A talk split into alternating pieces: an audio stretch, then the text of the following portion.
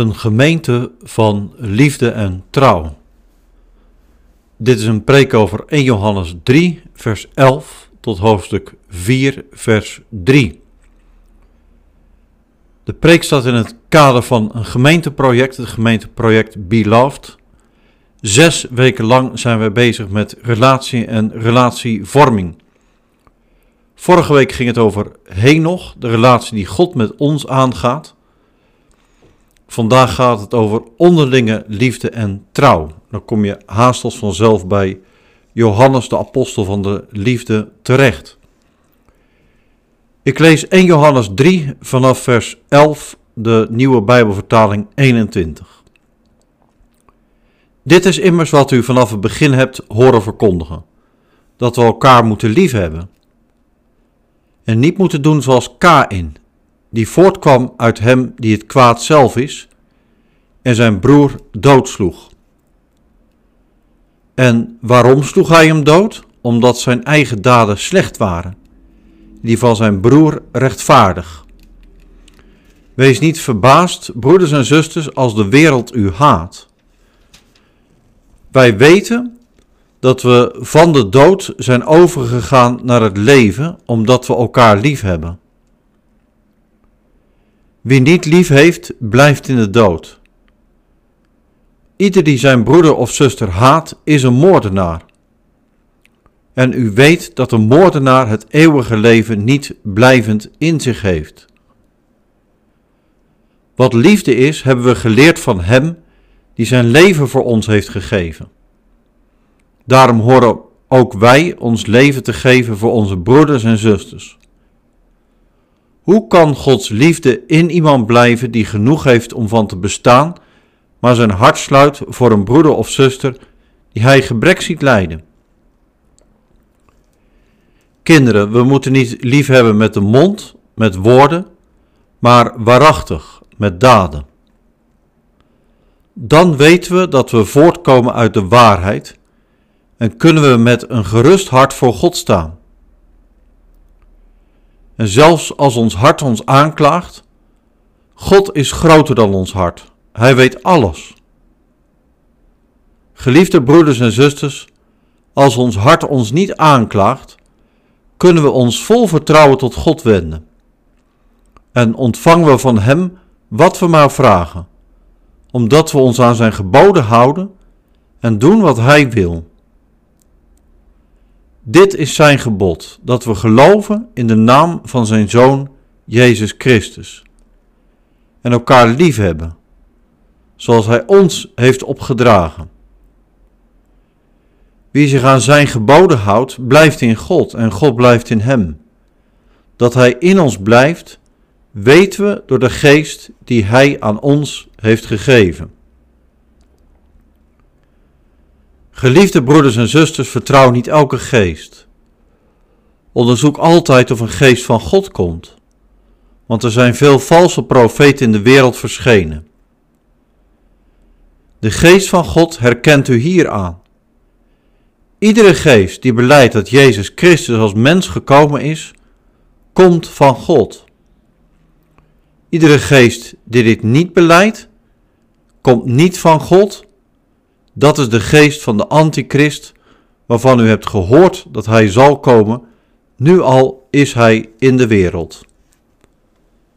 Tot zover het woord van God. Gemeente van de Heer, beste luisteraar, met de beleidenis God van liefde en trouw, een lied van Psalm Project, zijn we vorige week het gemeenteproject Beloved begonnen. Gods liefde voor ons staat vast. Denk aan Henoch, daarover ging het vorige week. Hij leeft in verbondenheid met God, wordt weggenomen en leeft. Je ziet in hem iets van het geheim van God in Jezus. Jezus die je roept om hem te volgen. We starten nu met week 2 over de onderlinge liefde. Hebben we deze week nou een ander thema? Ja en nee. Ja, want het gaat over onderlinge liefde en trouw. Ben je vertrouwd met elkaar? Durf je vertrouwen te geven, te vragen? Wil je elkaar helpen, dienen en liefhebben? Zoals Johannes het zegt in zijn brief, je moet niet lief hebben met woorden, maar waarachtig met daden. En dat is inderdaad anders dan vorige week. En in die zin, je zult in de groeigroep of de kring of hoe dan ook vast een ander gesprek hebben. En toch, gemeente, is het belangrijk om ook te zeggen dat we deze week geen ander onderwerp hebben. God van liefde en trouw stond centraal en dat blijft zo. Het is niet zo dat je kunt zeggen, weet je, vorige week ging het over God en vandaag, deze week, gaat het over onszelf. Luister naar wat Johannes zegt. Hij zegt in vers 17 van hoofdstuk 3: Hoe kan Gods liefde in iemand blijven die zijn hart sluit voor een broeder of zuster? Hoor je dat? Als je niet lief hebt, als je je hart sluit, komt Gods liefde onder druk te staan. Het gaat om de uitwerking van Gods liefde en trouw in jouw en mijn leven. Dat de stroom van Gods liefde en trouw niet geblokkeerd wordt, maar doorgang krijgt, zichtbaar wordt, tastbaar. Zodat je Gods handen, Gods voeten en Jezus lichaam bent. Gods liefde leeft. dat het om een proces gaat waarin Gods liefde concreet wordt, hoor je ook terug in Johannes' brief. Hij zegt heel vaak dat we in God of in Jezus blijven. Het woord blijven is belangrijk. Wat zo is, dat je in God bent, dat je in Hem gelooft, dat blijft zo als je meewerkt aan en meebeweegt met Gods liefde. Johannes gebruikt ook het woord leren. Elkaar liefhebben is niet ons idee of ons initiatief, we volgen God. Johannes zegt vers 16, wat liefde is, hebben we geleerd van Hem die zijn liefde voor ons heeft gegeven. Deze week volgen het spoor van onze Heer. Wees geliefd en heb lief gemeente, heb lief in Jezus' naam. Nu het tweede. Ik ga dieper in op de tekst van 1 Johannes 3 en 4. Waarom legt Johannes zoveel nadruk op de liefde? Het schijnt dat Johannes toen hij stok oud was alleen nog maar prevelde: hou van elkaar kinderen. Was hij nou een sympathieke, iets wat zachte man? Nou, juist Johannes kan er wat van. Hij is echt geen softie. Johannes spreekt bijvoorbeeld vaak van haat, haat van de wereld. In vers 13 en 15 doet hij vaak ook in het evangelie trouwens, hoofdstuk 15 bijvoorbeeld van Johannes. Johannes contrasteert. Hij spreekt over liefde en haat, licht en donker, gelovigen en de wereld, God en de boze, God en het kwaad, Jezus en de duivel. Jezus en zijn strijd tegen de duivel. Johannes weet dat het licht heeft gewonnen. Hij stond aan de voet van het kruis waar Jezus de zonde de dood versloeg. En daarom durft hij ook die contrasten zo sterk te schilderen. Om het verkeerde te ontmaskeren en jou te laten kiezen voor het goede. Dat gebeurt trouwens overal in de Bijbel. Denk aan Psalm 1 of aan het slot van de bergreden waar Jezus zegt: bouw niet op zand, maar bouw op een rots. En zo wil heel de Bijbel jouw leven in Jezus licht zetten. De meest indrukwekkende zin is deze uit vers 14. Wij weten dat we van de dood zijn overgegaan naar het leven, omdat we elkaar lief hebben. Wie niet lief heeft, blijft in de dood. Wat een uitspraak. Hoor je dat in het feit dat je lief hebt? Weet je dat je van de dood bent overgegaan naar leven? Denk nog even terug aan vorige week, toen we aan ons project begonnen, aan Henoch, het evangelie van Genesis 5. Hoor je dat dat evangelie hier klinkt in de brief van Johannes? Weet je nog, die Henoch die ontsnapt aan die ellendige keten die daar steeds wordt genoemd. Hè? Iemand leeft, deed dit en dat en hij sterft, staat er dan. En bij Henoch gaat het anders. Henoch leeft. Hij leeft met God, hij leeft voor God. En zo zegt Johannes het ook, omdat je lief hebt, omdat Gods liefde in jou leeft en werkt, weet je dat jij, net als Henoch, van de dood naar het leven bent overgegaan. Gemeenteluisteraar, wat is dit mooi. Het is begonnen. Het goede en eindeloze leven met God. Gods liefde en trouw gaat het winnen. Ook in jouw leven. Ja, er gaat van alles en nog wat mis. Een christen heeft niet een roze bril op. Nee, juist als we deze weken bezig zijn met relaties, ja, dan loop je daar tegenaan. Tegen pijn, zonde, wonden, gebrokenheid. Je geweten kan je flink aanklagen, zegt Johannes ook in vers 20. En dat is een goed teken. Want dan ben je ervan bewust dat je een geredde zondaar bent. Maar ook dan weet je dat God meer is en groter. Leef telkens meer uit zijn genade en heb elkaar zo lief. De kern van het stukje uit Johannes brief ligt in twee zaken. Allereerst is dat het trinitarisch spreken over God.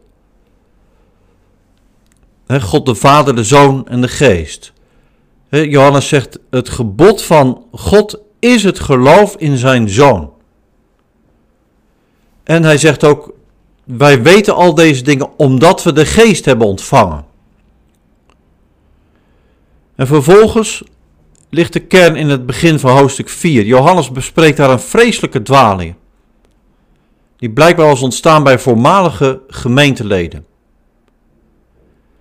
Het kon er bij bepaalde mensen niet in dat God werkelijk mens zou zijn geworden in Jezus. Laat staan dat hij zou sterven aan een kruis. Zoiets, zeiden deze voormalige gemeenteleden, is God onwaardig. En dit lijkt een vrome gedachte, want spreekt daar niet heel veel eerbied uit voor God en voor Gods heiligheid. Alsof God niet een mens is en ja, toch met onze wereld niet te maken heeft. Maar Johannes zegt waar het op staat. Mensen die zo denken of spreken zijn valse profeten. Dit is niet de geest van Jezus, maar de geest van de antichrist. Want het evangelie zegt nu juist dat God mens is geworden, sterfelijk. Zo heeft God ons lief gehad, tot in de dood. Onvoorstelbaar dat zijn liefde en trouw zo groot is. Nou, en Johannes zegt, omdat God nou zo is in Jezus, door de geest, heb daarom elkaar lief, met oprechte liefde, concrete, tastbare liefde. Zo volg je Jezus. Heb elkaar lief, gemeente, en wees elkaar trouw.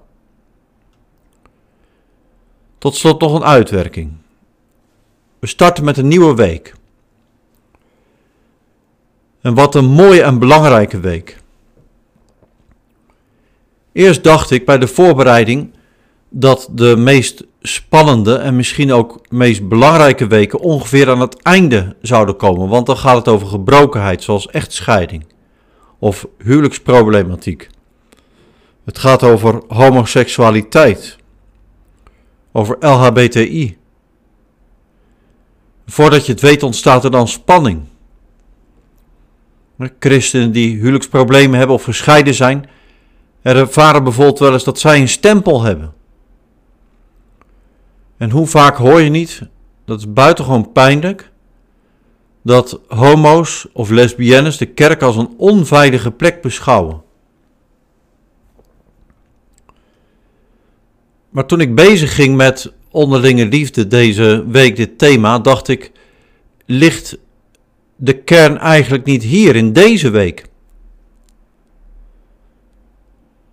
Want waarom is er nou spanning als het gaat over homoseksualiteit of huwelijksproblemen of scheiding? Weten christenen te weinig van LHBTI'ers of is er sprake van vooroordelen? Of zou er meer oog moeten zijn voor huwelijksproblematiek? Het zal allemaal zo kunnen zijn. En er is er werk aan de winkel, zeker. Maar mijn punt is, Ga nou eerst nog eens een keer luisteren naar Johannes. Zou hij nou beginnen met het advies, joh, win meer informatie in. Of wees een beetje rustiger aan met je mening en het daarvan. Ik geloof er niks van. Zou Johannes niet zeggen wat hij steeds zegt? Heb lief. Heb lief. Dat geldt ten opzichte van ieder. En het geldt in elke situatie. De kerk is er niet om stempels te zetten. De gemeente is er niet om standpunten achter de hand te hebben voor alle mogelijke situaties. De gemeente is er om lief te hebben. De liefde voor God, voor zijn goede en bevrijdende leefregels, vers 24, en de liefde voor elkaar gaan hand in hand. Zo zegt het Evangelie, dat klinkt in Johannes' eerste brief. Zo wil de Heer zijn gemeente vrede geven. Gemeente een gezegende week toegewenst. In Jezus' naam, weet je geliefd en heb lief. Amen.